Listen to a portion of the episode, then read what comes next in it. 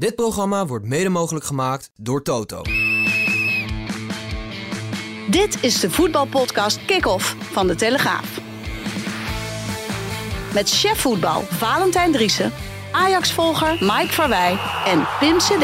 En een hele goede dag uh, op eh, de maandag na de ja, toch veel bewogen klassieker... waarin Feyenoord een grote stap heeft gezet uh, richting de landstitel. Eerst even een heel serieus bericht, Mike. Je zei het al even net voor de uitzending. Profvoetballer Rai Vloet een gevangenisstraf heeft hij geëist gekregen van 3,5 jaar. Dat is echt wel enorm, hè? Ja, het is natuurlijk vreselijk wat Ja, hij uh, heeft hij, gedaan. Hij heeft een vierjarig jongetje doodgereden. Ja. Met, met alcohol in de auto gezeten en veel te hard gereden.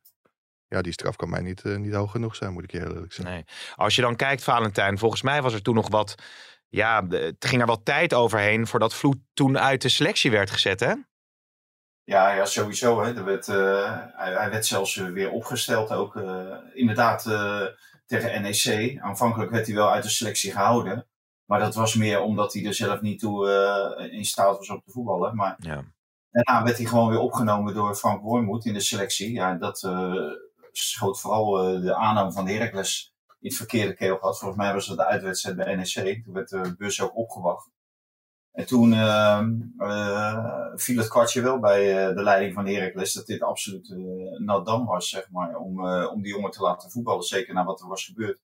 En dat er ja, nauwelijks sprake was van enig berouw. Ja. Dus ja, ik denk ook dat er wel een beetje een voorbeeldfunctie hier vanuit moet gaan. Dus ja, of die ook werkelijk die 3,5 jaar krijgt, het, het wordt wel geëist. Maar ja, ik denk wel dat het eh, afschrikwekkend is. En ik hoop ook dat dit afschrikwekkend is. Ja, Eh, volgens, eh, daar uh, daarvoor kan krijgen. Ja, volgens eh, justitie eh, reed hij met een eh, absurde snelheid. Hij heeft in de rechtbank toegegeven dat hij ook eh, had gedronken. Twee of drie glazen sterke drank. En volgens mij eh, zei hij daarbij inderdaad ook dat hij bezig was de cruise control eh, goed eh, in te stellen. Nou ja, laat het een, eh, inderdaad een hele duidelijke boodschap zijn dat het ja, gewoon absurd is om überhaupt met drank Ja. te zitten. Maar dan ook een beetje met je cruise control gaan zitten klooien. Nou ja, dit zijn de Nou, ik, heb, ik heb nog nooit iemand gehoord die eh, 250 rijdt en dan eh, bezig is om zijn cru- cruise control eh, eh, aan te zetten. Ja, ja. Hè, nou, dat gezegd hebbende. Heb je nog eh, de, alle hits van Yves Berendsen afgeluisterd eh, dit weekend, eh, Valentijn? Nee, ik, en werkelijk waar, ik heb geen enkele reactie op gehad. Oh, nou, eentje moet ik eerlijk Ja, zeggen. van Yves Berendsen. Eentje, die, Oh, God. die, van eh, Andy, Hout, Andy Houtkamp, NOS-collega van de, Ja? van de radio. Ja. En wat zei die? Ja. Nou, die, die had er wel van genoten, want dat, dat leek mij, eh, tenminste zoals hij zich uitliet, eh, was dat ook geen eh, fan van Yves Berendsen. Nee. Oh, ook, ja, en, en die houtkamp Die lijkt me ook eerder het type James Last. Denk je niet? Ja, dat Ja, zou zomaar kunnen. Ja, inderdaad. Ja. Maar misschien dat Andy iemand anders in gedachten had.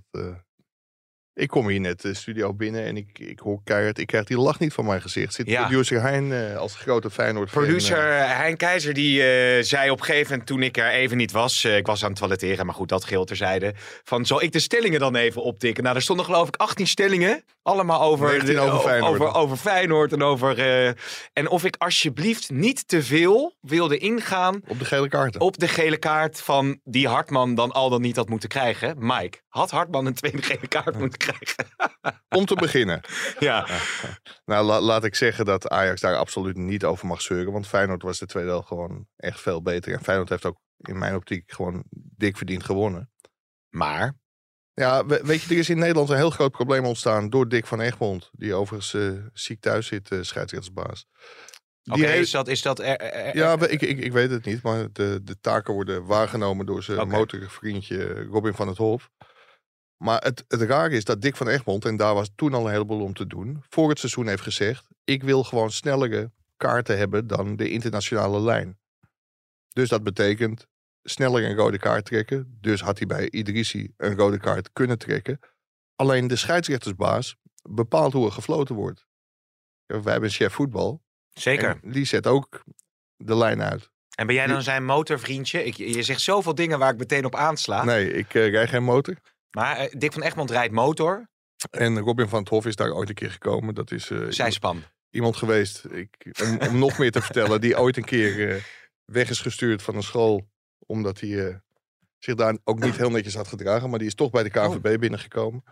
Ehm, maar Dick van Egmond zet de lijn uit. En die wil dus snelle kaarten. En dat betekent dat er bijvoorbeeld bij, nou, noem, noem een willekeurige wedstrijd, Vitesse tegen, tegen Groningen, dan wordt er snel geel getrokken. Ja. Alleen Makkely is een Europese topscheidsrechter. Die floot onlangs ook uh, Chelsea-Dortmund en dat, dat deed hij heel erg goed. Maar die zegt, ik laat mij niet leiden door Dick van Egmond, maar ik hanteer gewoon de internationale regels. Mhm. En Makkely is er heilig van overtuigd dat die keuze om Hartman geen tweede gele kaart te geven, gewoon internationaal heel erg goed was. Hij zei ook dat hij de complimenten had gekregen van allerlei mensen in het buitenland die die wedstrijd hadden gekeken. Ja. Alleen je slaat een baggerfiguur als KNVB als je de ene wedstrijd zo fluit en de andere wedstrijd zo fluit. Dus Ja. er zijn gewoon scheidsrechters. Die hebben lak aan Dick van Egmond. Ik noem Bas Nijhuis. Ik noem nu dus ook Makkely. Ja, en dat is natuurlijk wel heel gek in één competitie. Ja, nou, overigens, ja, daar hoef ik verder niet op in te gaan. Maar je zegt allerlei van die dingen waar ik er toch weer op aansla. Dus die, die, die motorvriend van, van Egmond, die heeft ook weer op een school eh, iets gedaan. Ja, dat is echt een hele rare afdeling. Daar moet je ook helemaal niks mee te maken willen hebben. Maar ik kom wel heel graag één keer per jaar. Ja, het- op het maar, maar dat, dat is niet iets waar we... Dat, dat laten we dan maar nee, dat heeft, dat heeft ook wel in het nieuws gestaan. Oké, want wat was er gebeurd dan? Ja, dat weet ik niet Oké, precies. nou, iets, oké, nou ja, goed, dat geldt terzijde. Ik wou toch eerst even... Maar hij- bij, ja? bij de KNVB kan je dus eh, gewoon aan de bak eh, zonder eh, VOG-verklaring. Ja, dat weet ik niet. Of hij die, die, die zal hij dan desondanks toch wel hebben, denk ik. Ja, ik wil toch eerst even, want of wil je hier meteen op doorgaan, eh, Valentijn? Want ik wil eigenlijk ook gewoon, om toch eh, producer Hein Keizer te eren, ingaan op, het, eh, eh, de, op de manier waarop Nou, Feyenoord zich opricht in de tweede helft. Ik wil wel één, ding over zeggen. Ehm, met betrekking tot Hartman eh, Ja. heb ik ook eh, de uitleg van eh ehm Makkeli gehoord. Nou, hij heeft gewoon recht op zijn uit- eigen uitleg. En daar valt ook wel wat voor te zeggen. Aan de andere kant valt er ook wel wat voor te zeggen om, het, eh, om er wel een tweede gele kaart voor te geven. Maar ja, hij is nou eenmaal de scheidsrechter. Ik vond wel dat hij twee rode kaarten heeft gemist. En dat vond ik eigenlijk eh, ja, erger eh, samen met zijn VAR Rob Diepering. Ja, En vooral de co- constellatie tussen die twee. Hè, want in het dagelijks leven is onze vriend Makkeli ook de coach van Rob Diepering. Mhm. Ja, en dan hebben we het al eerder eh, aangegeven. Dan kan je nauwelijks eh, verwachten dat Rob Diepering eh Makkeli twee keer naar het scherm roept. Om in plaats van een gele of helemaal geen kaart, gewoon een rode kaart te geven. En ja, dat had natuurlijk wel moeten gebeuren. En daarom denk ik eh, dat het heel onverstandig is als de KNVB vasthoudt aan eh, dit duo als VAR en arbiter. ja. En andersom ook niet. Dus dat ook Makkeli geen VAR is bij Rob Diepering. Hey, wat heeft Slot in de rust gedaan, aangepast, waardoor Feyenoord in die tweede helft zo het overwicht naar zich toe wist te trekken, Valentijn? Nou, dat is een één ding, maar, en dat is heel simpel. En dat had jij waarschijnlijk ook gezegd. En toevallig kwam ik mijn zoon vanochtend tegen. En die eh, had het eh, ook gezegd eh, in de rust van Ajax Feyenoord. En hij zei, ja, wanneer gaan ze nou eens voetballen? En ze kunnen zo goed voetballen. ga gewoon voetballen. Gooi de zoon van je af, wees niet bang. En, en, speel zoals je ook tegen Shakhtar Donetsk gespeeld. En, en ook eerder tegen Ajax hebt gespeeld. Nou, dat was de, de meest simpele benadering van het probleem van de eerste helft. En dat hebben ze ook gedaan. Ja. Eh, gaf Slot zelf ook later aan. En, en, en dat is eigenlijk, eh, ja, was het ei van Columbus om daar eh, uiteindelijk met 3-2 te winnen. Ze zullen bij eh, Ajax ook wel kijken naar Mike, de bepaalde ontwikkeling van spelers bij Feyenoord. Eh, denk aan een Jiménez, eh, denk aan Hansko. eh nou ja, Wiever heb je dan natuurlijk. eh, maar ook aankopen die zich toch goed weten te profileren. Ja, we hadden het, eh, volgens mij zag ik het ergens op Twitter voorbij komen. Alle inkopen die Ajax voor dit seizoen heeft gedaan. Ja, dan is het toch wel pijnlijk om te zien dat met een, met een veel kleiner portemonneetje Feyenoord gewoon ja, toch eh, spelers hebt die er nu wel staan. Maar het wordt in alle opzichten pijnlijk. Heb ik in deze podcast al een keer geroepen dat het eigenlijk heel gek is dat een voetbalbedrijf als Ajax geen technisch directeur heeft. Nee. Kijk, Ajax wordt in de jeugdopleiding, als je ziet wat daar bij AZ gebeurt, ja, echt petje af. Wie ook hoort, wie ook spreekt. De opleiding van AZ is gewoon inmiddels een voorbeeld voor die van Ajax. Ja. Terwijl Ajax, de Ajax-opleiding, die werd wereldwijd geroemd altijd. Maar ook Feyenoord, met veel beperktere middelen, weten ze gewoon dus wel de spelers te halen die Ajax heeft gemist. Als je Hansko ziet, nou, je noemt Jiménez, maar er zijn natuurlijk ook nog andere voorbeelden van spelers waarvan je denkt van ja, had Ajax daar niet op moeten Hmm. aanslaan? Je hoort nu ook de naam van Seruki. Waarom is Ajax daar niet mee bezig als Alvarez weggaat? Kan dat ze hem niet goed genoeg Nou ja, met? Reiners zijn ze dan bezig, hè? Precies. Dus ja, dat, is misschien dan nog wel een, een betere versie. Hoewel het niet heel vergelijkbare spelers zijn, vind ik. Maar dat is wel heel erg pijnlijk. En dat gaat natuurlijk ook wel koppen kosten in, eh, in de arena, denk ik. Ja, in welk opzicht? Nou ja, die Julian Ward komt. Je, je hoort nu toch steeds meer verhalen. Uh, Gerry Hamstra heeft de kans gehad om zich zo te profileren. Een goede trainer aan te stellen, goede aankopen te doen. Ja, als hij dat gedaan had, dan was hij, uh, was hij waarschijnlijk wel technisch directeur geworden Hmm. als opvolger van Mark Overmars. Ja, het is heel duidelijk dat Ajax met een ander bezig is, namelijk Julian Ward van, van Liverpool. Dus ik denk dat het uiteindelijk wel consequenties gaat hebben. Dat of Hamstra er zelf voor kiest om weg te gaan, of dat Ajax beslist, het is beter dat je weggaat. En ik krijg wel meerdere signalen dat ze bezig zijn over de ontbinding van zijn contract. Oké, ja? En dat zou dan aan het einde van het seizoen zijn dat, dat het gewoon niet verlengd wordt? Of, of eindigt Ja, of, of, of misschien wel per direct. Oh ja? Kijk, ja, zodra die Julian Ward binnenkomt. maar die kan pas in de zomer komen? Of kan die al eerder nou, ja, komen? de- daar wordt de datum van 1 juli opgeplakt. Dus dan zou Gerry Hamstra het uitzingen tot 1 juli. Aan de andere kant, Huntelaar loopt daar ook rond. En wat heeft het voor zin als je daar tot 1 juli rondloopt... en eigenlijk gewoon helemaal geen slagkracht meer hebt? Hmm. Dan kun je net zo goed nu wegwezen. En met Huntelaar willen ze wel door. Ja, ik begreep zelfs dat Huntelaar eh, ook nu eigenlijk even een beetje de verantwoordelijkheid krijgt over de scouting. En het Mhm. wordt heel interessant Hmm. wat ze gaan doen uiteindelijk met die Julian Ward. Wat zijn officiële functie wordt. Daar wordt ook nog een beetje over, eh, over gesteggeld binnen Ajax. Omdat als je zo'n man toevoegt tot de directie, dan heb je Engelsman in je directie. Dat heeft ook weer allerlei consequenties. Dus welk plaatje ze daar precies op gaan plakken. En misschien is het zelfs wel een idee om Huntelaar toch formeel die functie te geven. En Julian Ward in een andere rol neer te zetten. Dus daar wordt op dit moment wel een ei over gelegd. Zo interessant. Interessante ontwikkelingen. Zal de portemonnee aardig getro- voor getrokken moeten worden om die woord in ieder geval eh, binnen te halen. Denk ik. hey, eh, Mike, maar iets anders. De Skybox. Ja, daar zitten toch een beetje de nette jongens en meisjes, mannen en dames die de wedstrijd volgen. Maar, maar daar liep het ook helemaal uit de hand, hè? Wat Ja, is er precies gebeurd? Daar is het uit de hand gelopen. Fanta en ik stonden na afloop even met, eh, met Danny Makkely eh, te praten. En op een gegeven moment begon eh, een heleboel stewards te rennen.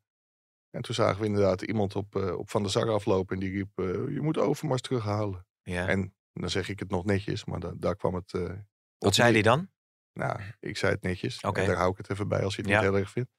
Dus ehm, ja, en toen stapte Van der Sar in zijn auto. Makkely die besloot eh, ook toch maar in zijn auto te stappen en weg te rijden. Die dacht... Oh ja, die gaf geen rode kaart. We schakelden niet te VAR Nee, in. Nou, die, nee, die, die liep wel naar het scherm, maar toen dacht hij toch, ik stap in mijn auto. Ja.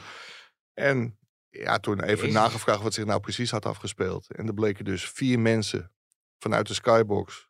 En er werd in eerste instantie gezegd stom dronken, in ieder geval dronken. Liepen ze naar hun taxi, klaarstaande taxi. Ja, en toen vonden ze het nodig om Van de Sar lastig te vallen. En toen ze uiteindelijk op, zeg maar, aanwijzen van die stewards niet weggingen. Ja, toen was het genoeg. En toen werden ze even aan de kant gezet. En uiteindelijk het stadion uitgezet.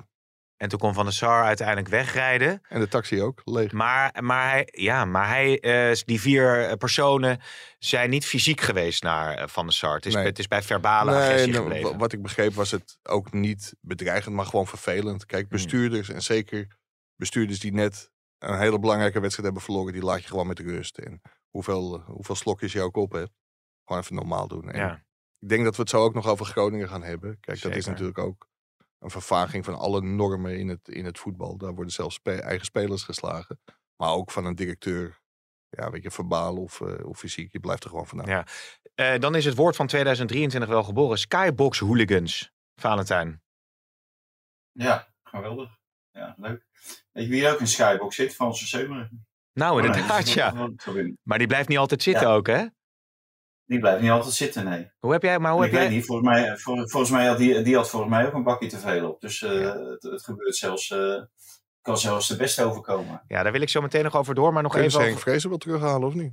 Ja, ja, ja, ja. Nou ja, als je Henk Vrezen ervoor wegstuurt, eh, ja, alles is weer koekenij. Het gaat natuurlijk om dat eh, Die klap van Younes bedoel eh, je? bijna handgemeen tussen, Ja. handgemeen tussen de eigenaar Frans van Seumeren na de wedstrijd Utrecht Go Ahead, die weer in de slotfase werd verloren door Utrecht. De derde nederlaag op rij thuis. Na Spakenburg en Fortuna. En toen was Frans Seumeren, die liet zich even in de kleedkamer gelden. En die ging eerst nogal een woeste keer. Mhm. En uiteindelijk eh, stond hij eh, neus aan neus met, eh met Kleiber. En was er gewoon werkelijk sprake van fysiek contact. Dus ja, dat zijn natuurlijk dingen die, die, die hoort een eigenaar niet te doen. Als je Nee. nu ook voorgenomen om niet meer in de kleedkamer te komen. En ja, kijk, zo moet je je natuurlijk niet laten gaan. Ja, dit, dit zijn ook exact wel de emoties die een eigenaar heeft met een clubhart. En dit zijn ook de emoties waardoor iemand als Frans Zeumer natuurlijk tientallen miljoenen uitgeeft aan, aan zijn club. Maar ja, desondanks, uh, ja, dat, dat uh, rechtvaardigt uh, dit gedrag natuurlijk niet. Maar je zet je eigen club te kakken, je zet je trainer onder druk.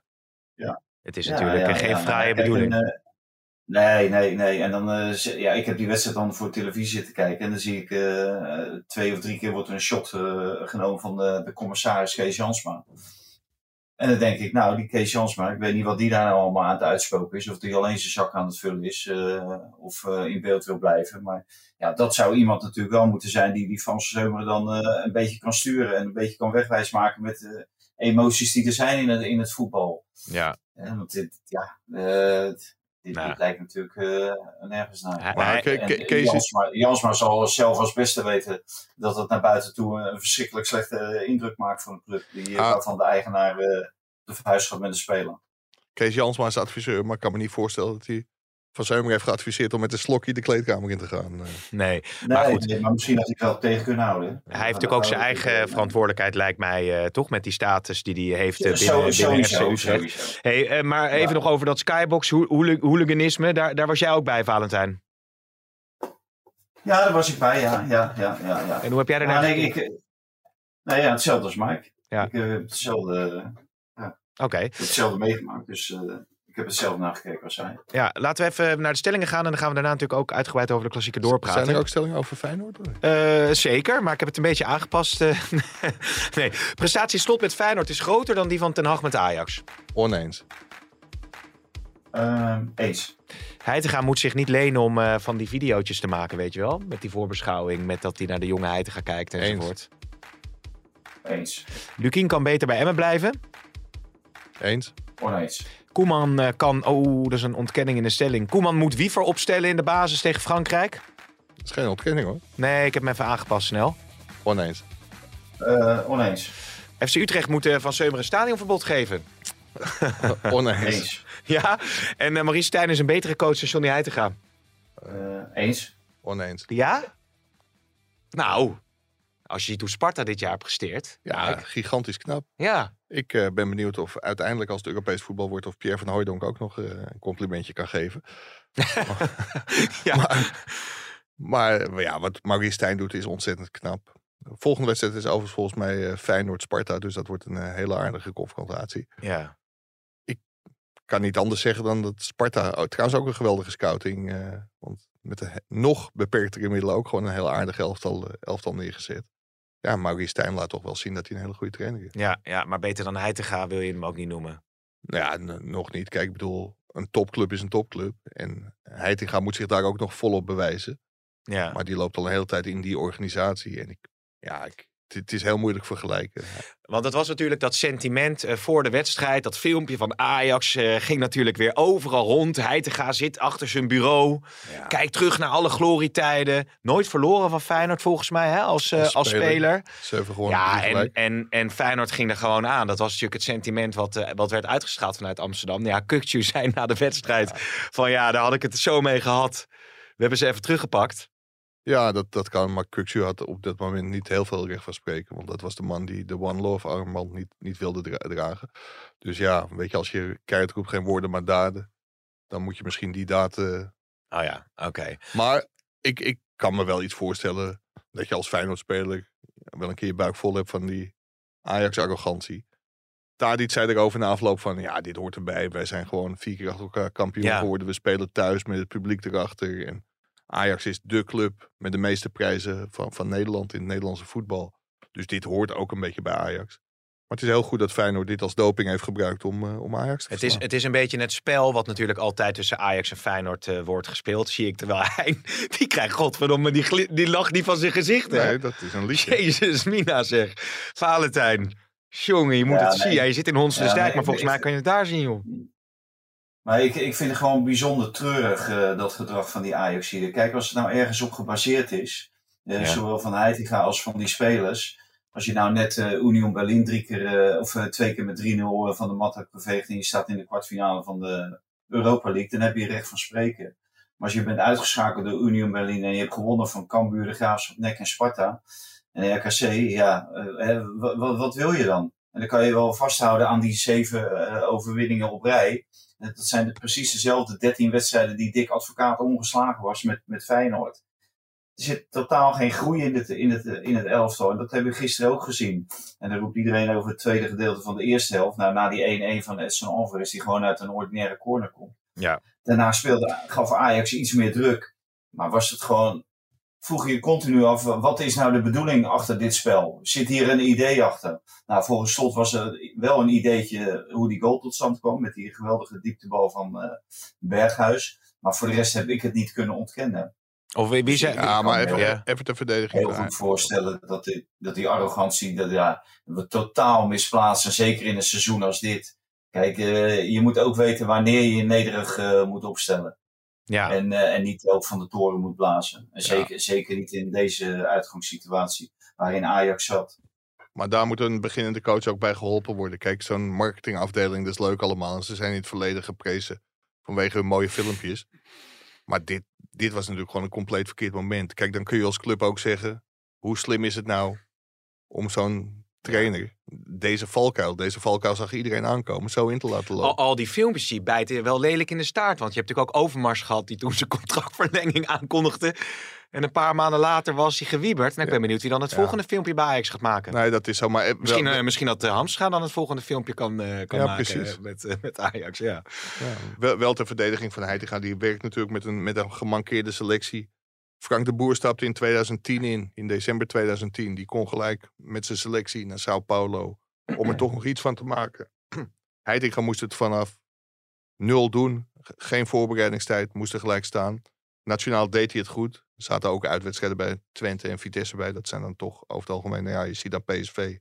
Bij Vitesse kun je struikelen, dat deed Heitinga niet. Nee. Dus ik- ik vind dat je die jongen ook wel de kans moet geven. En in ieder geval een jaar moet kijken, of in ieder geval tot het einde van het seizoen, hoe hij het doet. Ja. En het is natuurlijk gewoon, en dat zegt ook heel veel over de periode Schreuder. Het is nu wel beter dan de laatste wedstrijd onder Schreuder. Dat mag ook wel, want die verloor er, eh, nee dat is niet waar, maar die won er zeven op rij niet. Dus het is Ja. beter, maar het is nog niet goed genoeg. Dat is duidelijk. Alleen ik denk dat die oorzaak niet bij Heitinga ligt. Maar meer bij de afgelopen zomer, het aankoopbeleid. En ook het feit dat hij het van Schreuder moest overnemen zonder Ja. voorbereiding. Stel, Valentijn, jij Ja, bent... kijk, ja, eh, Mike, vertel. Mike, we, we waren het natuurlijk allemaal over eens dat dit gewoon een kampioenswaardige selectie is. Kijk, dan, dan wordt er gewoon veel te weinig gepresteerd. Hè, de- toen eh, het seizoen begon. Toen Ja, had maar- iedereen, en dat hebben we zelfs in de winter nog gezegd, met deze spelers moet je ook kampioen van Nederland worden. Ja, maar het is natuurlijk heel makkelijk. natuurlijk de beste spelers. Maar het is natuurlijk Alleen, heel makkelijk het omdat. gaat om- er staat totaal geen team. Het is natuurlijk heel makkelijk. Dat vond ik gisteren ook. Het is natuurlijk heel makkelijk om dat in de schoenen van Heitinga te schuiven. Want met het gemiddelde van Nee, Heitinga. nee, maar, nee, dat wil ik niet alleen in de schoenen van Heiding. Maar, de- maar die is daar ook een onderdeel van nu. ja, maar met het gemiddelde van Heitinga Zoals, had je- eh, ook, gewoon eh, dik bovenaan gestaan. Kijk, je verliest. Wat Die, zeg je? met het gemiddelde van Heitinga had je gewoon dik bovenaan gestaan. Ja, maar Mike, hoe heet dat, eh, vergeet je iedere keer. Je vergeet de tegenstanders. Ja, maar- Ze zijn uitgeschakeld. Met de, ze hebben één zware wedstrijd gehad die ze hebben gewonnen. Twente, nou, dat was met de hak over stoot, was voor de beker. Oké, prima. Maar de rest hebben ze alleen maar makkelijke tegenstanders gehad. Echt waar. Ja, maar Schreuder had het, had het zwaar met Volendam thuis, Emma uit en, eh, en Vitesse thuis. Kijk, die, Ja, die, die ja. wedstrijden zaten er ook tussen. Kijk, je moet het wel gewoon zeg maar op het moment wegen zoals het is. Hij is erin gestapt.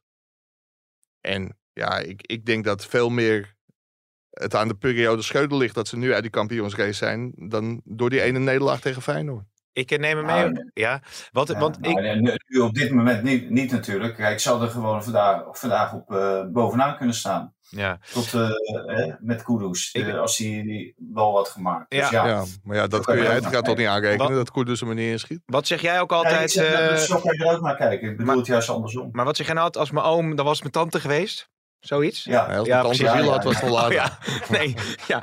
Maar ik, zat, ik wou eventjes een concrete eh, speler eh, eruit halen. Stel, jij bent Dusan Tadic of Kudus of, of, of Berghuis. En, jij, eh, en elke keer dat Bessie die bal heeft. Wat denk je dan?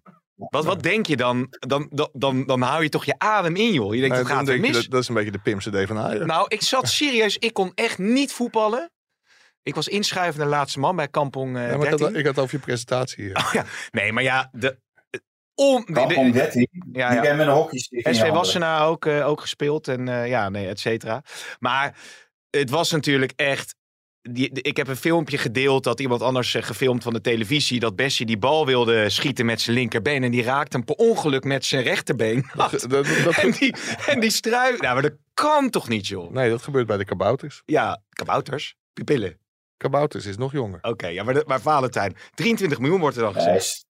ja, nou ja, dit, dit is natuurlijk het, eh, waar Mike het net over had, eh, over die failliete zomer. Dit is het failliet van natuurlijk het aankoopbeleid, Kelvin Bessie. En met, met zo'n speler wil je natuurlijk niet voor de dag komen. En dan wordt hij later verdedigd. Ja, verdedigend is allemaal prima. Maar ja, een, verdediger bij Ajax, die moet toch wel iets met een bal kunnen. En die jongen die werd steeds kleiner en kleiner. Ja, en dan, eh, ja, het, het is gewoon Ajax onwaardig. Gewoon echt Ajax onwaardig. En dan kan ik me niet voorstellen als je Hato, dat hij het aan de bal minder doet dan, eh, dan Kelvin Bessie.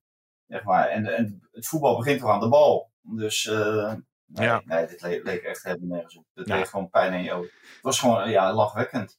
Ja. Maar dat gold natuurlijk wel voor, eh, voor, voor de meeste aankopen hè, die, er, die erin stonden. Wijndal ook. Wijndal gaf ook een keer een bal zo gewoon in, de- in de voeten van de tegenstander. Stond totaal niet onder druk, helemaal niks. Nou, eh Jorge Sanchez, nou, waar, waar ze die op de kop hebben getikt, dat eh, zagen we ook al bij het nationale elftal van Mexico, waar die er niks van bakte. Roelie pakt geen punt voor je, die is in de winter gekomen. Bergwijn, nou denk je van, eh, die heeft het even te pakken vorige week tegen Herenveen. Nou, eh, wel, weliswaar stond hij buiten spel, maar ging eh, zonder dat er gefloten was alleen op Wellenreuter af. eh, nou, scho- schoot op Wellenreuter. Ja, het, le- het leek gewoon echt nergens op. Waarmee heb jij ontbeten vandaag. Gruusli met Sorry? Azijn. Gruusli met azijn neemt Valentijn het uit. Maar hij heeft, hij heeft wel gelijk, Ja, toch? het- Eigenlijk. Het lijkt, het, lijkt, toch echt helemaal nergens op, Mike. Echt, dit, dit is gewoon eh, diep treurig. Ja, dat En is dat heeft zeker. dan allemaal 100 miljoen euro bij elkaar gekost. Ja, en Want dan, hoeveel- eh, zie, je- zie je Ja. wat, wat, wat, daar tegenover, wat er tegenover. Nou Kijk, ja. het, het leuke was natuurlijk zien, oh, die, die koppeltjes, Stelen Wieven. Eh, nou ja, Ja. Dat, dat was natuurlijk een appeltje eitje voor Wieven. En voor Geertruida Bergwijn gold precies hetzelfde voor Geertruida. Ja. Hoewel Trauner ook Dus- wel vrij veel balverlies leed, hè? Ja. Overigens. Want die Ja, stond dan die- natuurlijk wel in de ja. baas. Maar eigenlijk lijkt het, de presentator met een mening, Ja, beter zeker. te draaien als je eh, uiteindelijk gewoon Pedersen opstelt en Geertruiden naar de as haalt. Ja, volgens mij was dit eh, eh, een van de eerste wedstrijden die, eh, Geert, of, eh, die eh, Trauner speelde na zijn eh, blessure. Dus die, die is een tijdje uit geweest, ja. En dan zie je wel dat dit natuurlijk een iets ander niveau is dan eh, eh, RKC eh, thuis. Ja, Ook, ja. ook voor, voor Trauner. maar het wat, is... wat mij wel verbaast Ja. is dat, dat Heitinga gaat. Kijk, je kunt 2-1 voorstaan bij de rust. En dat kwam dan uiteindelijk misschien een beetje gelukkig tot stand. Althans die 1-1. En daarna had Ajax wel even een goede periode. Maar dan was het volgens mij wel het moment om Klaassen te brengen voor Taylor. Die een gele kaart had. Mhm. En ook echt heel matig speelde, vond ik. Dus ja, dat was wel het moment geweest om al in te grijpen. En Ajax liet zich een beetje verblinden door die voorsprong. Hoe eh, gelukkig verkreeg ook. En ja, de tweede helft was het echt eh, maar één, één Ja. elftal dat voetbalde. En dat was Feyenoord. Maar de stelling Slot is een betere coach. Of wat Slot presteert bij Feyenoord is beter dan Ten Hag bij eh, Ajax. Nou ja, dat, ik, ik heb oneens gezegd. Omdat Ten Hag heeft gewoon de halve finale van de Champions League gehaald. En stond echt op de drempel van de finale van de, van de Champions League. En dan ga jij roepen, Slot stond in de finale van de Conference League. Slot stond in de finale van de Conference League. Heeft zich nu geplaatst voor de kwartfinale Ja, dat van de is Europa League. vergelijkbaar met de tweede divisie. Als je dat afzet tegen de Ja. Eredivisie. Dus daarom vind ik nog steeds dat Ten Hag, die is ook vier keer kampioen geworden. En een keer eerste in, of nou dan drie keer kampioen en een keer Ja, in eerste die coronajaar. coronajaar. Dus nee, Ten Hag heeft het wel op dit moment nog veel beter gedaan dan Slot. Maar Waarbij aangetekend ja. dat Slot het natuurlijk wel fantastisch doet. Nee, dat wou ik zeggen. Want als je Feyenoord ziet eh, spelen dit seizoen en nu ook weer in die klassieker. En de manier waarop ze zich wedstrijd na wedstrijd na wedstrijd blijven oprichten. Ja, en Nee, kijk, eh, waar- waarom ik vind dat eh, eh, Slot eh, beter doet dan eh, Ten Hag... is omdat Slot niet de portemonnee heeft gekregen van Ten Hag. En het is eh, op een ander niveau. Maar dit, dit is nou precies de discussie waarvan heel veel zeggen van... heel veel goede trainers zouden bij Ajax ook heel goed werk kunnen verrichten. Ook, ook andere trainers. Dan zeg ik niet dat het eh, voor iedereen geldt. Maar wat Slot bij Feyenoord eh flikt met zo weinig geld... en het tweede eh, jaar op één moet hij een heel nieuw elftal bouwen. Hij is gekomen, toen moest hij een heel nieuw elftal neerzetten. Toen eh, had hij de failliete boedel van eh Dick Advocaat nam die over. Eh, nou, Berghuis ging nog weg. Eh, komt eh, in, de, in de finale van de Conference League. In de competitie liep het wat minder. Hè. Ja, Ajax had gewoon veel meer geld te besteden, had een prima elftal, had Overmars bij elkaar gekocht. En nu loopt de hele boel leeg bij Feyenoord. Er staan gisteren zeven nieuwe spelers in het team. En ja, presteren gewoon prima. En ze spelen helemaal naar het idee van wat de trainer wil. Weliswaar alleen de eerste tien minuten in de eerste helft. En vervolgens in de hele tweede helft. Ja, en dat vind ik gewoon verschrikkelijk knap. Als je gewoon de hand van de trainer ziet. En voor het tweede achtereenvolgende jaar met een heel nieuw team. Ja. dat, uh, daar neem ik een plekje vooraf. En zeker als je dan ziet in welke financiële situatie Feyenoord verkeert. Ja, want bij en dan missen ze gisteren ook nog de keeper, Bijlo. En ze missen uh, de grootste aankoop, uh, uh, Timber. Ja, want bij Feyenoord staat dan um, Jiménez in de spits. Dat is natuurlijk een speler, die is lang, die is balvast, scorend vermogen. Ja, dat zou je zeggen. Dat is in Luca. Nou ja, en bij, bij Ajax valt... valt hoor. Ja, hij is niet zo balvast. Kan hij nog in groeien. Maar bij Luca komt, of bij Ajax komt Luca erin. Ja. De, de man die uh, gratis de deur uitliep, uh, die voor een hele hoop geld terugkwam. Want die moest terugkomen. Ja, en sindsdien, uh, ja, het, het, is niet de Bobby die vorig jaar uh, op huurbasis in, uh, in Amsterdam liep. Als jij Valentijn Julian Ward bent, wat is dan het eerste wat je dan doet in Amsterdam? Huis nou, kopen. heel hard wegrennen. Heel hard wegrennen. een huis kopen. Ja, ja, nee, ja, dat, ja, nee, dat kan ook. Of huren. Ja. Hè? Nee, de beesten moet door de selectie. En dat gaat een hele hoop geld weer kosten. Dat zit er wel dik in. En je zal je verlies moeten nemen op sommige jongens. Ja, Bessie, het enige wat je moet hopen dat een Engelse club weer zoveel televisiegeld binnenkrijgt uh, dat ze met oogkleppen die transfermarkt opgaan. En net zo dom als Ajax zijn om, eh, om die jongen voor 23 miljoen terug te halen. Ja, als, als dat, uh, zeg maar, Julian Ward uh, lukt, dan is hij zijn geld al waard, denk ik. Ja, ja, ja, ja, ja, ja. arme, maar, arme Maar vaak, vaak kan dat wel. Kijk, het, het, is wel, het is wel een voordeel dat hij een Engels paspoort heeft. Dat maakt hem interessant voor Engelse, Engelse clubs, omdat je zoveel ja. homegrown spelers moet hebben. Dus ik, ik denk dat Ajax hem wel voor diezelfde prijs kan verkopen. En dan zou ik echt volle bak met Hato uh, aan de slag gaan. Want ja. dat is wel echt een mega, ja. mega talent. Nou, we hebben ook heel veel over Feyenoord natuurlijk uh, gesproken. Maar wil je er nog wat uitlichten als het om, uh, om Feyenoord gaat? Valentijn? Nou ja, de, de, die kunnen natuurlijk in principe kunnen die gewoon aftellen naar de titel. Hmm. die wedstrijd die Mike zegt, is, wordt wel een hele interessante. Natuurlijk Sparta-Feyenoord over twee weken na de Interlandbreek. Ja, Feyenoord-Sparta. Feyenoord-Sparta, Of, uh, Feyenoord Sparta? Dacht dat, dacht Sparta, wel, Feyenoord. Ah, we zoeken het even op. Uh, Sparta Feyenoord heen? Oh, Sparta Feyenoord, ja. Vertel. Ga verder Valentijn, ja. sorry. Dus uh, kijk, als, je, als ze die heel uit doorkomen, maar ook als ze die niet heel uit doorkomen, geloof ik dat, uh, dat Feyenoord gewoon kampioen wordt. Als, zeker als je het programma ook afzet tegen het programma wat uh, Ajax heeft. Nou, AZ die maken het dan niet waar, dus daar hebben ze in feite ook geen last van. En van PSV hebben ze geen last. Dus ja. Ja, ja, ja. ja, ja. Ik, ik, zie daar uh, weinig fout gaan. Nee, dat, uh, en volgens mij alle andere co concurrenten tussen nou, haakjes, want zijn er nog concurrenten die spelen en nog tegen elkaar. En die gaan sowieso ook nog uh, los van die wedstrijden punten verspelen, ben ik bang voor ze. Want dat is natuurlijk ook pijnlijk dat op zo'n moment als AZ en PSV dichterbij kunnen komen, dat ze het laten liggen. Ja, AZ moet natuurlijk naar Twente, wat natuurlijk gewoon een hele lastige wedstrijd is. Die kun je, die kun je verliezen. maar PSV had natuurlijk gewoon drie punten moeten pakken in het Gelderdoom. Ja, maar dat, dat is wel iets. En dat komt natuurlijk door de verkoop van, uh, van Gakpo en Madueke in de, in de winter.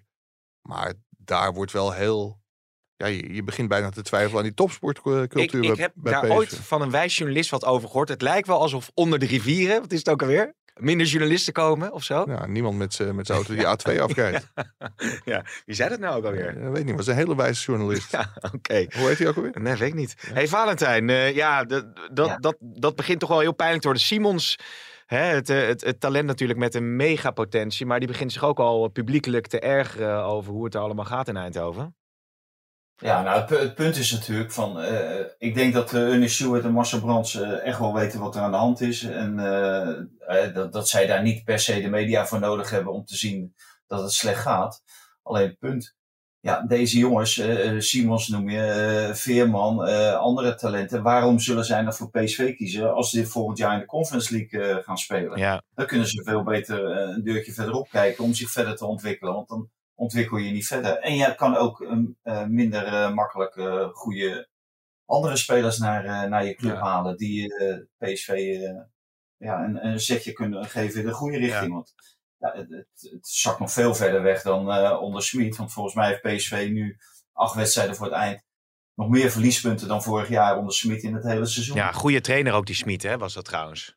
Ja, nou ja, Ja, dit is bij Benfica, van, Benfica fantastisch. Maar Ja. ik denk dat hij hier zo op scherp is gezet dat hij is gestopt Ja, met roleren. Ja, ja, ja. Als je trouwens die Neres, die scoorde laatst volgens mij ook weer.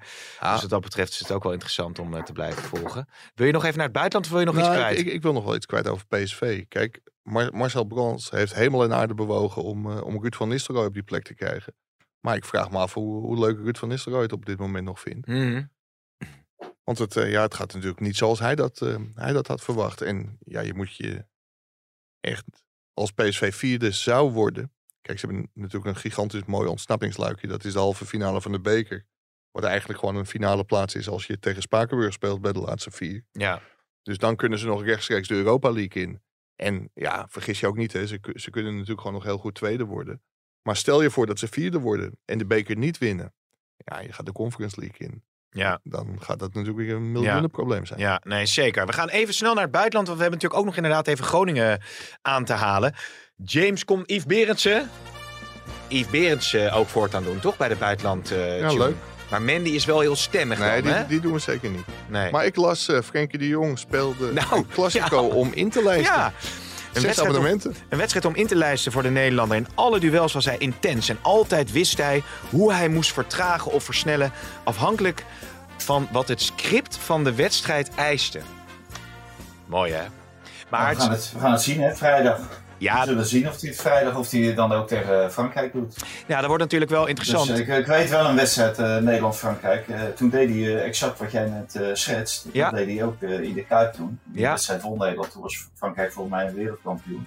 En Europees kampioen misschien zo. Nee, volgens mij geen Europees kampioen, maar wel wereldkampioen. Dus ja, ik, ik hoop dat we het vrijdag in de Stade de France gaan zien. Ja, waar Dan jullie, ook eh, een keertje in het shirt van het Nederlands elftal laten zien. waar jullie uiteraard ook weer bij zijn. Overigens, Memphis Depay, eh 3-0 van Valencia gewonnen. Maar die deelde op social media het bericht blij met de drie punten. Maar fucking hell, wat een werk heb ik nog te doen. Dus die heeft nog steeds niet, ondanks die goals die hij een tijdje terug maakte... eh, de vorm te pakken. Dat moet toch wel zorgen baren bij, bij Koeman. Want ja, wat is je... Wat is je Gakpo, Maar ik denk dat het ook fysiek is. Ik denk ook dat hij hier ook wel een, eh, aangeeft dat hij fysiek misschien eh, niet op orde is om die wedstrijden 90 minuten vol te kunnen houden. En zeker niet bij Simeone, want daar wordt natuurlijk verschrikkelijk veel fysieke arbeid verricht. En dat is hij natuurlijk eigenlijk niet gewend. Want Nee.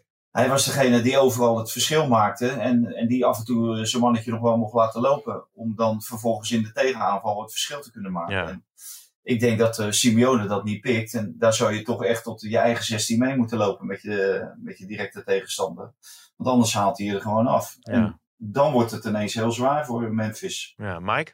Nou, ik denk dat ik vast het bruggetje naar eh Jetro Willems heb. Er komt net een berichtje van de VVCS, de Vereniging voor Contractspelers, die de KNVB eh, aanspreekt. Er staat opnieuw een speler geslagen dit weekend. Nu Willems bij Groningen. Eerder bij PSV, een belaagde doelman. Tjerni tegen Heracles, veldbestormer. Mhm. veldbestormers, bierdouches, absurd. We wijzen als VVCS de KNVB nogmaals op de verplichting om voor een veilige werkomgeving voor spelers te zorgen. Dus eh, ja, goed dat ze dat doen, want het is ook absurd. Ja, maar ja, is, is dat, dat is goed dat ze dat doen. Maar wat heeft dat dan concreet eh, voor gevolgen? Nou ja, dat, dat de KNVB gewoon... Kijk, wij hebben het hier vaak genoeg over de uitsupporters gehad. Ja, bij Jetro Willems waren het eh, thuissupporters. Nou. Om nou ook alle thuissupporters thuis te laten. Dat is misschien ook niet, niet heel handig. Maar het is natuurlijk wel krankzinnig wat er, wat er gebeurt de laatste tijd in de stadions. Ja. Was ook... ehm, Maar ik vind, ik vind ja. het wel leuk om, eh, om zo'n brief te sturen naar de organisatie van de competitie, de KNVB in dit geval. Maar ik vind dat die, die eh, brief moet ook gestuurd worden gewoon naar de clubs. De clubs zijn verantwoordelijk voor wat er in hun huis gebeurt. Niet, eh, niet direct de KNVB. De KNVB die stelt bepaalde richtlijnen, bepaalde eisen aan, aan clubs. Die kunnen dan later zeggen van eh, eh, publiek, geen publiek of geen thuispubliek op die en die vakken en dergelijke. Prima. Maar in eerste instantie ligt het natuurlijk bij de clubs. De clubs die moeten zorgen voor de bescherming van de, Ja. van de spelers op Ja. het veld. Maar daar heb je wel gelijk in, Valentijn. Maar als er een maloot is eh, die dat stadion op de een of andere manier binnen weet te komen. En die dus inderdaad, zoals bij, bij PSV, eh, bij Europees voetbal, het veld opstormt en een, en een steward eh, van zich af weet te schudden. Daar, daar kun je Ja. toch bijna niet als club tegen wapenen. Nou, volgens mij stonden die Nee, dat, stewards... dat, eh, dat, is, dat is heel moeilijk. Maar PSV Nou heeft daar toch wel de hand voor in eigen boezem gestoken. Ja. Dat Ja. zij verantwoordelijk zijn. En Je zij bent ook zijn er verantwoordelijk, ja. verantwoordelijk Ja, voor. ja. Nou, wat, wat ik wel Ja. mooi vond bij FC Groningen, dat die medesupporters, die reageerden eigenlijk heel fel op die gozer. En volgens mij kreeg hij ook een, een knal voor zijn kop en terecht. Hoewel ik eh, geen heel grote voorstander ben van, eh, van geweld. Maar ja, supporters moeten elkaar ook een keer leren corrigeren. En soms kun je dingen niet corrigeren. Nee. Dan zie je pas wat er gebeurt en dan, dan kun je hem daarna pas aanspreken. Maar je zag in dat vak waar die gozer stond, wel dat er heel veel boosheid was over die actie van Ja. die... Want Maar je, je gaat zo iemand Van- natuurlijk niet. Ik bedoel, als iemand bij spreken helemaal gek is of doorgesnoven iets doet, ja, moet jij dan ingrijpen? Dan moet je, eh, loop je zelf nog gevaar. Nou, wat, wat mij verbaasde Ja, maar was... waarom grijpen ze dan nu wel in, Pim? Ze begrijpen in op het moment dat het al verkeerd is gegaan. Hè, dan, spelen ze, dan, hè, dan is het wel eigen richting. En dan vind ik Ja. het allemaal geweldig dat die gozer een paar dreunen op zijn hasses krijgt. Dat vind ik ook mooi, prima. Eh, maar in feite moet dat natuurlijk vooraf moet dat gebeuren. Dus de, die, die sociale controlediensten dan ineens wel achteraf, maar niet eh, preventief. Ja, maar je kunt Ah, Dat, dat, eh, dat kan je maar. Wat Ja, wat mij wel, En, en er zitten daar al mensen, eh, die, die zijn ongeveer hetzelfde hoor, die daar zitten. Het is niet zo dat, eh, dat je van een gezin in zo'n vak, want er zitten geen gezinnen in een vak en geen kleine kinderen. ook. Met een stelletje van die randebielen daar. Nee, in dat vak bedoel Dus- je dan. Ja. Ja, ja. Dus, wat, wat eh, mij wel heel erg dus, eh, verbaasde was dat er werd gecommuniceerd dat er een minderjarige was aangehouden. En de verklaring voor dat idiote gedrag was dat hij van 12 uur aan, eh, aan, aan het bier had gezeten. Dus volgens mij ontloopt Groningen daar ook zijn verantwoordelijkheid. Want minderjarigen mogen helemaal niet aan die alcohol zitten. Nee, nee, nee. Nou, het is Nee, in ieder geval, Dan, zou- dan zou je een eh, alcoholtest moeten doen voordat ze binnenkomen. Ja. het is in ieder geval een Want het is schande. niet gezegd dat hij bij eh SC Groningen zich heeft eh ingedrongen. Ja, maar je kunt toch geen alcoholtesten doen eh, voor alle supporters die een stadion binnengaan? Dat is toch volstrekt onhaalbaar? Ja, nee, dat, dat, nou ja, volstrekt onhaalbaar. In principe zou je dat wel kunnen doen natuurlijk. Ja, de controle in Als, ieder als, geval. dat, als dat het grote probleem is, alleen ja, dan moet je zelf ook eh, misschien beginnen door geen bier meer te schenken. Nou, Ja. het, het was natuurlijk wel heel sneu. In de twaalfde minuut een hele grote actie. Ongeacht de stand. Door het hele stadion. eh, vlaggetjes, eh, spandoeken. Van, wij, wij blijven onvoorwaardelijk achter onze club staan. En als je als supporter echt heel veel pech hebt. Dan zegt de KNVB, ja, dit pikken we natuurlijk niet. Dat een speler een knal voor zijn kop krijgt. En ja, punten aftrekken lijkt me ook niet heel gek in zo'n geval. Nee. Nee, dat je dat als sanctie dan eh ja, instelt. misschien dat die Ja, maar idioten... voordat die sanctie komt, dat duurt nog wel even. Maar er zijn nog zoveel andere sancties eh, daarvoor die genomen worden. En zeker als het natuurlijk een incidenteel geval is. Alhoewel bij Groningen, Bij ja, Groningen er is het stonden ook fans ja. eh, in de winter stonden ze ook al op het veld natuurlijk. Ja, en, Er en is ook wat, wel een wedstrijd gestaan. wat er deze wedstrijd gebeurde, er werd ook al iemand tegengehouden die het veld op wilde. Die is, eh, die is Ja. ook aangehouden. Ja, Dus dat, kijk, misschien, en dat gaat me niet om Groningen, maar bij welke club ook, misschien dat, dat de KNVB daar gewoon een keer een gigantisch krachtig signaal. Ge- geef zo'n club gewoon zes punten in mindering. Dan eh, misschien dat die supporters Ja, maar dat, dat gaat er allemaal niet zomaar, man. Nee, dat, kan- dat, weet dat, je kan, zelf ook wel. dat weet ik ook wel. Maar, Ja. maar hoe moet je, dit- hoe moet procedures voor. maar, hoe moet je dit dan reglementen. uitbannen? wat is maar ja, Valentijn, ja, Valentijn, wel jij mee hebt de beginnen. oplossing. Hè? Nee, je- nee, je moet er beginnen met wa- waar je kan beginnen. Je, je kan niet zomaar een club zes punten afnemen. Dan, dan kom je voor de rechter en dan zeggen ze, ja, dat is heel in strijd met je eigen Ja. reglementen. Is dat zo? Ja, natuurlijk is het zo. Er zijn toch allerlei gradaties en zo. De, de eerste keer als er iemand op het veld, eh, nou, dan, dan moet er een, een, een, vak leeg. De tweede keer moeten er twee vakken leeg, dan een heel stadion. Je krijgt boetes en dergelijke. Ja. hey, Valentijn, wie heeft de rechten gestudeerd? Ja, Mike Verwij, gestudeerd. Nou, Mike Verwij heeft recht gestudeerd, dus die, dus die zal dit wel weten. Ik wou nog even zeggen dat ehm, het eerste schot van Wout Weghorst was geen doelpoging, maar een paas op de keeper. Dat was inderdaad wel heel pijnlijk. Manchester Fulham, Weghorst die kreeg de eerste kans. Hij stond echt op 20 meter van de goal, kapt een speler uit. Nou ja, en rolt hem zo keurig richting, eh, richting de keeper van Fulham. Die natuurlijk zomaar een enorme stunt hadden kunnen weghalen daar op eh, Old Trafford. Totdat er die bizarre periode Ik- en ik- er twee rode kaarten of drie rode kaarten met de coach zelfs eh, vielen. Ik bleef het heel moeilijk te zien vinden. Of, of het nou nou hens, was. Of het hens was. Ja, Ik, ik denk het wel. En vol- volgens mij het camerashot van achter leek dat wel te bewijzen.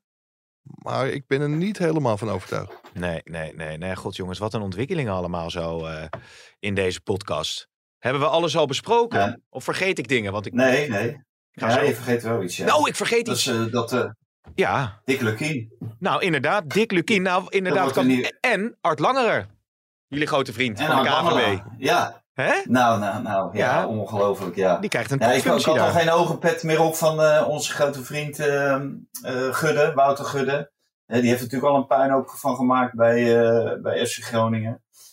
volgens mij januari 2020 had hij het beleidsplan samen naar de grote markt gepresenteerd. Ja. Nou, ik weet niet wat ze daar gaan doen, maar ze gaan in ieder geval niet met Groningen heen. Misschien dat ze daar een, een afscheidsborrel kunnen organiseren voor, voor Wouter Gudde. Uh, want er is natuurlijk helemaal niks van terechtgekomen. En nu uh, stuurt, of, uh, schrijft hij ook nog even alles in de schoenen van Mark-Jan Vladeres. Ja. Die nog even een mes in zijn rug gestoken krijgt. Want meneer gaat het nu zelf wel even doen. Alsof hij er nooit bij is geweest hè, de afgelopen drie jaar. Bij het aantrekken van spelers en het aantrekken van trainers. En nou komt Dick Lukien. Ja, ik denk toch van, ik begrijp dat Lukien het graag wil en dat Groningen dat graag wil. Maar misschien dat er toch wel een bepaalde sprake is van een vals sentiment en de verwachtingen uh, toch wel te hoog komen te liggen. je ziet wel vaker van uh, als mensen dan uh, komen bij een droomclub, dat het uiteindelijk volledig verkeerd afloopt. Hmm, hmm. Ik ben ook bang dat dit bij SC Groningen het geval is. En Art Langerer wordt manager voetbal en opleiding. Overigens heeft Jetro Willems samen met de Groningen aangifte gedaan ook. Hè? nog even voor de, voor de volledigheid tegen goed. die gozer die die klap uitdeelde. ja, nou ik wou zeggen, ik ben nog iets vergeten. Want het was zo, Koe- Koeman was zo enthousiast. Die, die heeft zoveel positieve feedback gekregen op het feit dat hij toen tijdens het WK in onze podcast eh, verscheen. Ja, Dat vanmiddag, hij, ja, vertel maar. vanmiddag is om eh, vier uur de persconferentie, maar we, we kunnen nu al een vraag stellen. Ja, dat is-. Leuk hè? Ja, het is leuk dat, eh, Valentijn, hoe, heb jij dat gehoord uit de, uit, de, uit de boezem, de omgeving van Koeman?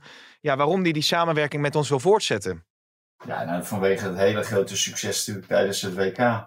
Hè, waar Ronald eh, geen blad voor de mond eh, heeft genomen. Nee. Kijk, de- dat wil je natuurlijk van een bondscoach. Dadelijk krijg je weer een persconferentie, zit iedereen er weer bij. Ja. Ja, dan durft hij niet. Maar ja, als hij bij ons eh, exclusief voor de podcast, ja, dan, eh, dan gaat hij altijd los. Ja, is echt- vindt hij dat ook veel leuker dan die eh, rare persconferenties met, eh, met die Nederlandse media. Ja, zeker. Dus, is, eh, ja, ja, mooi. hij- we zagen gisteren zijn broer, eh, Mike en ik, eh, toen we Oh. in de arena kwamen. Die was daar als scout. En eh, ja, ik denk dat eh, Erwin hem heeft bijgepraat. Dus eh, ja, ik, ik heb wel een leuke vraag voor Ronald eh, na die wedstrijd van gisteren. Ja, wil jij de eerste vraag stellen? Ja, ja nou, Ronald, eh, volgens mij wordt het heel simpel voor die wedstrijd tegen Frankrijk. Eh, alle Ajaxiden eruit en de Feyenoorders erin. Ja, allereerst goed om jullie weer te spreken, hè, nu in functie. Maar om terug te komen op de vraag. kijk, ik heb de klassieker natuurlijk ook niet met gesloten ogen bekeken. Maar behoudens eh, Wiever en Geertruida zijn er natuurlijk weinig Feyenoorders eh, die in aanmerking komen voor Oranje. Dus ik heb direct een primeur voor jullie. En dat zal ook niet de eerste zijn. eh. We zijn bezig eh, de rest van de basis zelf van Feyenoord te naturaliseren. En mocht dat niet op tijd lukken, ja, dan kunnen we altijd nog terugvallen op de Ajaxide. Want nogmaals, mocht het de verkeerde kant op gaan in Frankrijk, dan zijn zij na zondag eh, in ieder geval alvast gewend om eh, een uur lang achter de bal aan te lopen. Nou, benieuwd wat hij erop vindt. Ja, ik ben vooral, en dat is eh, ja, volgens mij de meest logische vraag op weg naar Frankrijk-Nederland. Hoe gaat Koeman Mbappé afstoppen? Ja, jullie weten als geen ander dat ik hè, voor de speciale opdracht tegen A-landen, en dan praat ik nu over Frankrijk, vice-wereldkampioen in Parijs, dat ik altijd Marten de Roon heb klaarstaan. hè. En dan is dat er nu in dit geval om eh, die paaslijn naar Mbappé eruit te halen. Maar ja, ik heb gisteren natuurlijk ook eh, de klassieker gezien. En ja, dan overweeg ik toch om eh, alsnog Kilinci Hartman op te roepen. Want we hebben een internationale scheidsrechter en dan is er meer gepermitteerd. En al is het maar voor het laatste kwart van de wedstrijd, dan weet je in ieder geval eh, dat hij twee keer wordt afgestopt. En dan, ja, dan eh, ben ik er wel van overtuigd eh, dat we ook eh, zonder Frenkie de Jong eh, daar een eh, resultaat kunnen halen, zeer zeker. Jezus jongens, wat een goede vraag. En leuk dat Koeman daar ook weer het eh, antwoord op heeft. Wij zijn er vrijdag eh, weer bij tijds. Want dan zijn we in de opmaat van de clash voor de EK-kwalificatie Frankrijk-Nederland. Mooi hè? Vice-wereldkampioen, hè? Ja, inderdaad. ja. Dat was een finale hè? Ja. Och, och, och, och, wat een mooie tijden waren dat. Doen we de podcast in het. Nederlands of in het Frans? eh? Jij mag een paar eh, Frans-Duits eh intermezzo's hebben. Hein Keizer is intussen eh, waarschijnlijk al zijn vrienden aan het appen... met allemaal grappige gifjes en filmpjes. Ik zag ook nog iets erbij komen. Je hebt toch die hele flauwe... Ik geloof dat het een Russische app is... dat je dan eh, heel slecht kan meezingen. Ken je dat? Dan plakken ze zeg maar eh, je mond eh, mee op, eh, op een willekeurig liedje van ABBA. Dus hadden ze Slu- Arne, die podcast hadden ze Arne Slot laten zingen Don't worry about a thing. Every little thing's gonna be alright. was erg grappig. Ik zeg heren, tot de volgende. Dit programma werd mede mogelijk gemaakt door Toto.